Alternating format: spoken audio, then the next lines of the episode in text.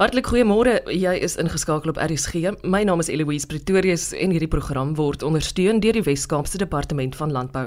Europese tekstielfabrieke is een van die verbruikers van Suid-Afrikaanse hout. Selfs chirurgiese gesigmaskers benodig dit as bestanddeel. Volgens direkteur van navorsing en beskerming by Bosbou Suid-Afrika, Dr. Ronald Heath, gaan dit goed met die bedryf in ons land. Daar is volgens hom ook ruimte vir heel party nuwe toetreders. Hy verduidelik ook die rol van Bosbou Suid-Afrika. Dis 'n uh, industrie assosiasie wat boomgroeiers of plantasie eienaars in Suid-Afrika verteenwoordig en my spesifieke portfolio is die direkteur van navorsing en beskerming. Ons het 'n tydjie terug gesels oor 'n inspuiting wat die bedryf gekry het wat hom 'n geweldige hupstoot gegee het en sedert ons laaste gesprek is daar selfs nog goeie nuus om oor te praat. Ja, nee, soos genoem in ons laaste gesprek, die presidensiële program, die Private Public Growth Initiative of die PPGI wat mens maar kort na verwys, het regtig 'n groot inspuiting vir ons industrie gelewer en die industrie en regering baie nader mekaar gebring en na dit het hulle ook die die forestry sektor masterplan soos hulle dit noem ook uh, deur kabinet goedgekeur en implementering het begin. Dit is ek dink soos alle sektore wat al masterplans in plek het, sien ons maar bietjie stadige implementering. Uh veral ons eerste jaar het ons baie baie swak implementering gesien as gevolg ongelukkig van intervensies van die staat se kant af. Maar ons kan sê dat in die begin van die tweede jaar van implementering was dat ten minste al klaar 'n paar baie baie positiewe en optimistiese uitsette gewees van die program wat ons waardevolle lewering op van die beloftes as jy dit sou wil stel in die plan wat uiteindelik gaan gebeur. En van die goeders is probleme wat die industrie al 15 jaar lank mee struwel met die regering en die regering probeer aan boord kry. Maar tog nou met gevolg van die masterplan sien ons daai daadwerklike beweging en en en vooruitgang ten minste. Ons het ook gesels oor kwessies wat verband gehou het met vervoer in ons land. Sou jy sê dat baie van daardie probleme intussen ook aangespreek is? Ongelukkig kan jy sê dat die probleme aangespreek is nie, maar wat jy wel kan sê is dat weer eens is daar daadwerklike produktiewe gesprekke wat buidiglik uh, onder uh, plaasvind tussen die industrie en senior amptenare in Transnet. Soos in ander Afrika lande sien ons baie derde party betrokkenheid by sulke strukture en ons as 'n industrie is besig om daarna te kyk waar ons eintlik saam met Transnet wil werk en die spoornetwerk in Suid-Afrika optimaliseer waar ons basies eh, 'n uh, tarief gaan betaal om die spoorlyn te gebruik maar ons eie wel nie ons eie nie dit is 'n uh, 'n diensverskaffer wat sy eie waens dan gaan bestuur op die op die trein op die spoornetwerk. Daai gesprekke het begin en weer eens ek sê positief is dat dit regtig ver gevorder het tot dusver en wat lekker is is dat ons het kry politieke ondersteuning vir dit en dat die senior amptenare van Transnet dit wel ondersteun en die samewerking tussen industrie en die private of die private sektor en die regering regtig verwelkom en dit wil gebruik om van hierdie struikelblokke wat aan die land sien wat ons ekonomie daadwerklik affekteer en baie negatiewe impak het kan vorentoe vat en en, en positiewe veranderinge hê. So dit is dit is baie goeie nuus vir ons. Dit klink vir my dromerig om te dink jy boer met bome. Ek moet sê ek hou nogal van die alliterasie ook. Wat sou jou boodskap wees aan nuwe toetreders? Ja, so as assosiasie ons huidige lidmaatskap is omtrent 13 groot maatskappye, koöperatiewe maatskappye.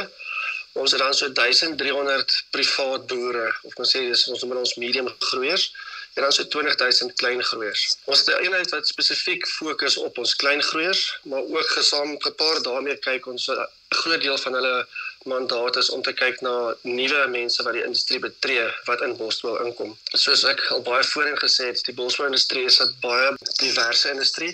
Ons oorleef ek baie van die uitdagings as 'n sektor baie goed. En net twee voorbeelde daarvan is met die met die hele COVID afgelope 2 jaar is bosbou as 'n essential sektor aangewys en gedurende daai tyd, waar gedurende die, die totale 2 jaar as jy sou wil sê van die pandemie, het ons glad nie glad nie werksgeleenthede gekos nie. Ons het nêrens mense afgedank nie, ons het nie salarisse verminder nie. Ons het eintlik die laaste 2 jaar amper 4000 nuwe werksgeleenthede geskep. Selfs met die vloede wat ons in Natal gesien het uh hierdie jaar waar die industrie amper oor 'n biljoen rand se skade gelei het, is ons produksie wat tot dusver jaar tot op huidige jaar en uh, jaar teen jaar maar 4% laer as laas jaar. So dit wys dat dit is 'n sektor wat regtig die uitdagings kan kan oorleef en en dit aanvat en 'n groot rede daarvoor glo ek is die die stelsels en strukture hoe ons werk. Ons groeiers wat bome groei van die grootse koöperatiewe tot die medium groeiers kompeteer nie met mekaar nie, want ons almal produseer hout wat in die prosesserings ingaan vir papier, saagmeulens en so voort. Ons kompeteer met Australië, Nieu-Seeland, Indië en China. So ons het baie samewerkende strukture wat almal kollektief kyk na ons uitdagings en as 'n kollektief spreek ons ons uitdagings aan en dis ook ons dan werk met regering en ek dink dit is wat ons sektor um, so suksesvol maak en dat ons nog steeds groei sien um, met hierdie moeilike tye. So vir nuwe mense wat in die industrie kan kom, dis 'n industrie met 'n baie lang beleggingshorison van jy plant soos dit 6 jaar tot jy oes, maar daar is geleenthede vir inkomste generasie tot jy oes En wat ook ongelooflik is van ons sektor is as jy by die dag kom wat jy jou bome moet oes en die mark is byvoorbeeld nie optimaal nie, hoef nie dadelik te oes nie. En dit is nogal uniek as jy kyk in die landbousektor. As jy skielik nou jou mielies moet oes en die markte is af, het jy nie 'n keuse en jy moet oes of jy vir julle oes. Met bosbou kan jy daai oestye perk meer rondspeel totdat jou marksituasie verbeter of die pryse verbeter um, wat ons ook 'n baie laer risiko sektor maak as jy vergelyk met met landbou. So ja, vir enige iemand wat bosbou wil betree, baie goeie geleenthede. Ehm um, so ek sê daar's vir vir eers keer 'n baie belangrik politieke ondersteuning om bosbou uit te brei. En heidaglik sit ons met 152000 hektaar wat al klaar geïdentifiseer is vir moontlike addisionele en nuwe bebossing wat kan plaasvind in Suid-Afrika.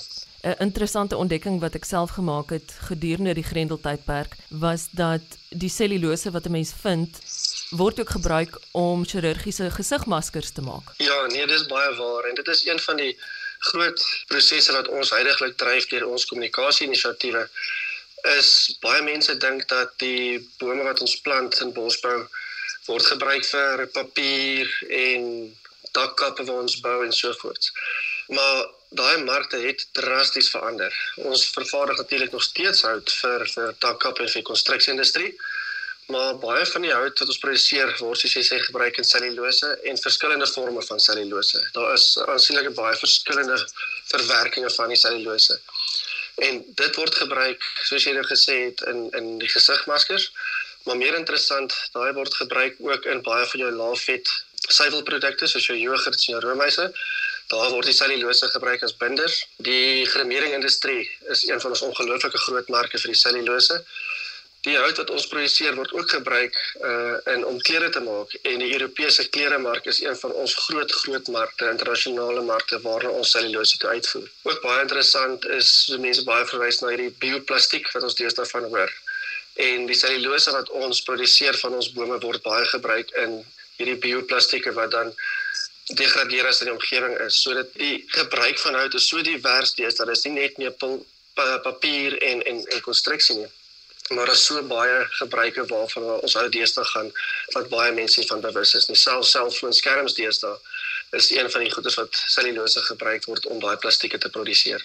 Ronald dan is daar ook veral twee dinge, twee baie positiewe dinge wat jy vir my kan noem in hierdie konteks. Ja nee, definitief. In 2004 al is die kabinet besluit dat plantasies wat deur die staat bestuur word geprivatiseer moes word. Nou dis omtrent 63000 hektaar se plantasies um, wat oorhandig moes word. Ongelukkig sedert daai besluit geneem is, is die plantasies nie baie goed bestuur nie en baie van die staatsplantasies is in rep en roer en en kan nie as produktiewe eenhede gesien word nie. As gevolg van die masterplan weer eens en ons het minder as 'n maand terug is die prosesse al baie ver gevat dat ons nou al kriteria saamgestel het vir private sektor wat daai plantasies belangstel en wat hulle moet doen om te kan belangstelling toon in daai plantasies. En daar's ook nou vaste tydskedules vasgestel en dat ons sal sien 10 teen 1 teen die einde van 2023 dat die meerderheid van die staatsplantasies om een, op een of ander vorm geprivatiseer is of deur huurooreenkomste of deur gemeenskappe wat mense kry wat saam met hulle dan daai plantasies gaan bestuur as 'n besigheidseenheid. So dis baie baie optimisties. Saam met dit ook is een van die grootste impakte in bosbou maar peste en siektes baie dieselfde as landbou En daar was al vir 15 jaar lank 'n program gewees waar die industrie en regering saam geld belê het om daai aspek aan te spreek deur navorsing. Ongelukkig in 2019 het daai ooreenkoms verval en ons werk nou al hard sedertdien met die regering om daai ooreenkoms weer in plek te kry. Maar die proses het net elke keer gesloer. Uh, baie optimisties is dat daai kontrak nou uiteindelik gefinaliseer is en ons is juis besig om nou die kontrak net finaal af te teken wat beteken dat die regering gaan weer vir die volgende 2 jaar ten minste 9 miljoen rand per jaar in die private sektor beskikbaar stel om navorsing en operasionele aktiwiteite uit te voer op peste en siektes wat regtig 'n baie groot positief is vir ons. Ronald, hoe maak ek kontak met Bosbou Suid-Afrika? Die maklikste is om na ons webblad toe te gaan. Dit is net forestySouthAfrica.co.za en al ons um, personeellede se kontakbesonderhede is daarso en ons webblad is ook 'n bron van ongelooflik baie inligting oor bosbou en wat ook aangaan in die sektor as ook wonderlike inisiatiewe wat ons heidaglik dryf soos om vrouens in bosbou te bedryf. So gesels direkteur van navorsing en beskerming by Bosbou Suid-Afrika, Dr. Ronald Heath. Anu van Skalkwyk is wingerdkonsultant by Winpro. Volgens hom het agriwerker opleiding op wingerdplase vir wynproduksie 'n splinternuwe tegnologiese aanslag. Opleiding sluit in tegnieke rondom snoei, loofbestuur en besproeiing. Meer as 6000 mense is reeds deur Winpro opgelei. Hy verduidelik hoe hierdie tipe opleiding tot reuse sukses lei. My ander portefeulje is ook opleiding en spesifiek plaaswerker opleiding opleiding op die wingerdplase vir wynproduksie. Um ons is sedert uh, 2012 besig met opleiding in die wingerde vir plaaswerkers en ons het uh, nederig begin deur snoeikursusse aan te bied en van daar het dit gegroei tot um 10 modules wat gebaseer is op materiaal en DVD materiaal wat ontwikkel is deur Winpro en oor baie um onderwerpe handel soos snoei, loofbestuur, besproeiing, bemesting ensovoorts.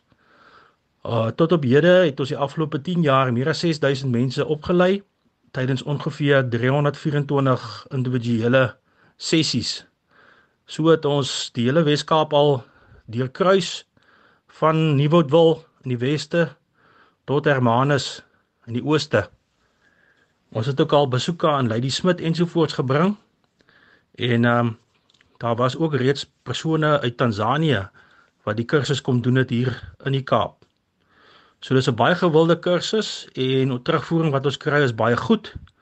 En 'n uh, onafhanklike ondersoek het gewys dat die return on investment baie positief vir alle partye is. Ons is baie opgewonde oor die toekoms omdat ons die 10 modules nou in 'n e-leer formaat gaan aanbied.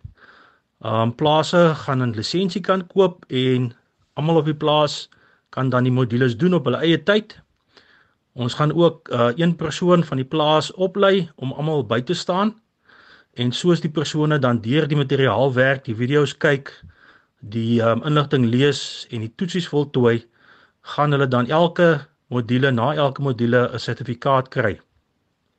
Ons is baie opgewonde oor hierdie stelsel want ons glo ons gaan nou nog meer plaaswerkers bereik en met die hulp van tegnologie kan ons ons voetspoor baie uitbrei en ons mik ook om internasionaal um, aanbiedings te kan doen. Wingerd konsultant by Winpro Hanu van Skalkwyk. Baie dankie vir die heerlike saamkuier vanoggend. Môre om kwart voor 12 is ek terug met nog landbou nuus. Vind ook al ons programme op www.elsenburg.com. Alle sukses vir hierdie Vrydag wat voorlê. Ek is Eloise Pretorius en ek groet jou tot môre.